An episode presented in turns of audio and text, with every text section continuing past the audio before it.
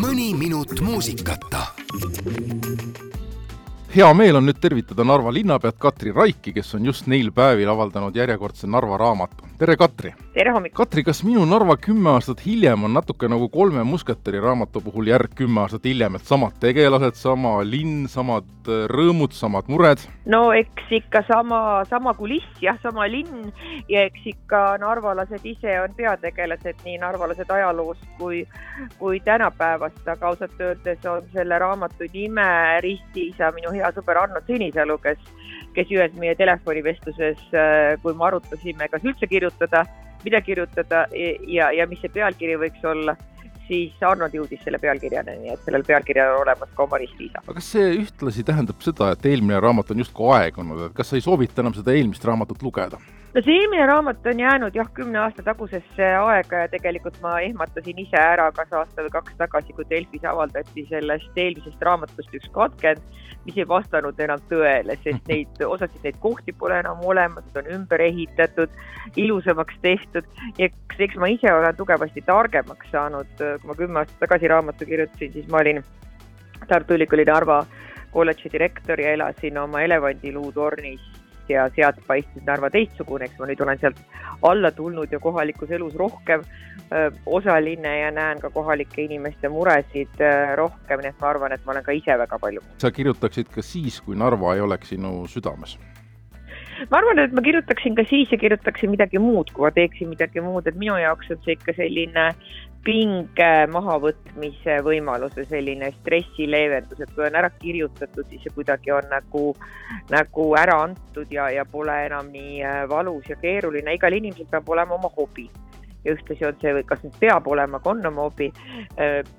kirjutamine on ka minu hobi ja õigupoolest kirjutamine ajaloost, ma olen õppinud ajalugu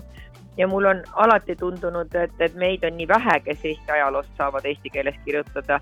et see on lausa kohustus või lausa nagu oma õpiraha tagasimaksmine.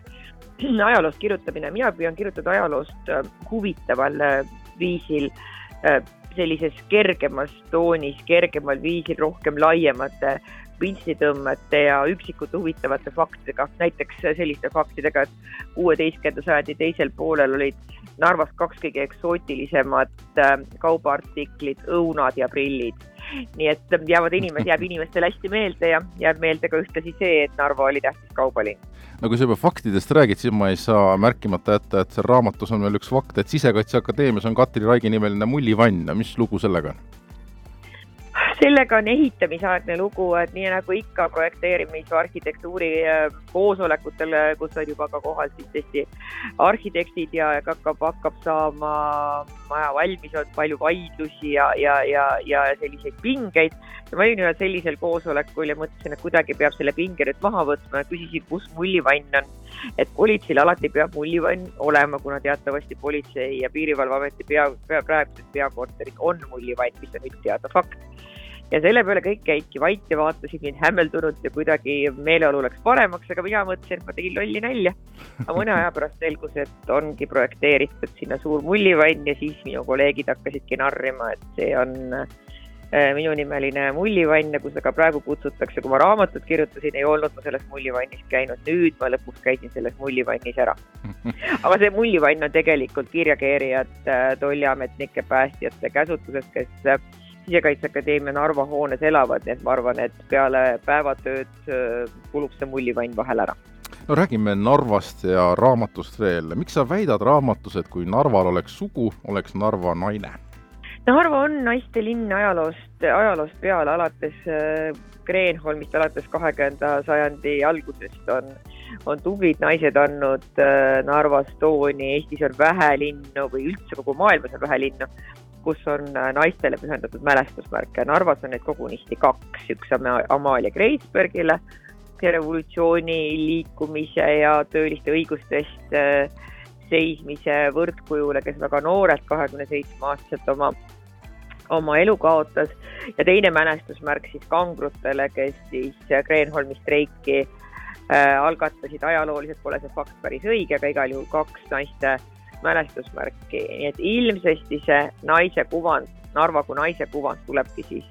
äh, Kreenholmist, aga üldiselt naised annavad, vanemad naised annavad Narvas tooni, nad on sõnakad, käivad üritustel, arvavad midagi, võtavad lausa tänaval, peavad kinni ja, ja, ja räägivad oma mure ära. nii et naised lihtsalt juhivad seda elu tegelikult ütled sa ju raamatus, et Narva ei ole mitte ainult naiste linn, vaid ka kasside linn ja lasteaia asemel ehitati kõigepealt koduloomade varjupaik.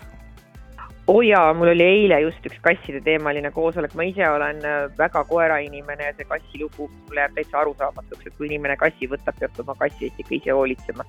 aga Narvas mõni aeg tagasi oli ikkagi tänaval väga palju kasse ja tänaval lausa elumajade juurde või kortermajade juurde olid ehitatud niisugused kassimajad, kus elasid kassid nüüd on olukord parem ja kasse kastreeritakse ja on ka oma siis jah, varjupaik, aga ikkagi on veel mitu alternatiivset kasside varjupaika, kes omavahel üldse läbi ei saa. Ja linnapeana tundub see peaaegu et lahendamatu ülesanne, mida küll nende kasside ja, ja, ja kassiprouadega teha, kes omavahel ähm, jagelevad, nii et ähm, selline täitsa omaette maailm, vahel on selline tunne, et kassid osalevad ka kohaliku omavalitsuse valimistel ja hääletavad ka kuna me oleme ikkagi praegu raadios Elmar, mis on teadupärast ju eestikeelse muusika mm, jaam, siis eh, no peab rääkima ka Nublu kurikuulsast Oksana laulust, mis fenomen siis selle lauluga on? no see laul sai ju esialgu väga populaarseks eelkõige eestlaste hulgas ja selle kohta öeldi, et see on üldse parim integratsiooniprojekt ja tõsi on ka see, et sellel laulul on väga äge eh, video, kus näidatakse Kreenholmi, eh, Narva Veneetsiat, mis ongi Narva üks selline uus äh, tõmbenumber. kohalikud suhtusid ja natuke suhtuvad sellesse laulu ka praegu skeptiliselt. et miks nad meist nii laulavad, miks on seal laulus, et teil on Georgi lindid juustes, miks nad nii laulavad, aga te ju kannate Georgi linti, oli tookord äh, küsimus vastu aga mm. miks nad nii kirjutavad. nii et, et kohalikud on üsna konservatiivsed ja natuke umbusklikud kõigi nende Eesti asjade vastu, et mis, mis selle asja taga siis tegelikult on noh, sa oled eh, Narva läinud ja sealt tulnud ja siis jälle läinud ja tulnud, et kuidas nüüd eh, praegu see lugu on, et kas, kas sa oled ikkagi praegu Narvas selleks, et jääda, enam ära ei kipu? no ma olen kaks korda jah, Narva, nii-öelda Narvast ära läinud ja, ja mõlemad korrad mõelnud, et nüüd on küll kõik ja kuidagi seda kolmandat ette võtta tundub kuidagi nagu liig, et nüüd on juba proovitud küll ja ikkagi on elu siia tagasi toonud. ja eks igaüks teab, et kui ta mitu korterit ühte korterisse kokku toob ja lõpuks selle korteri korda saab, ei taha ta enam kuskile liikuda. nii et esialgu ma arvan, et ma ikkagi jään põhiliselt Narva, aga, aga maailm ja Eesti on väike, et äh, jumal teab, aga niikaua kui vähegi võimalik äh,, täidan ma oma praegust missiooni Katri Raik, suur aitäh jutuajamise eest, suur aitäh raamatu eest ja muidugi suur aitäh selle eest, et sa Narvast hoolid. aitäh! mõni minut muusikata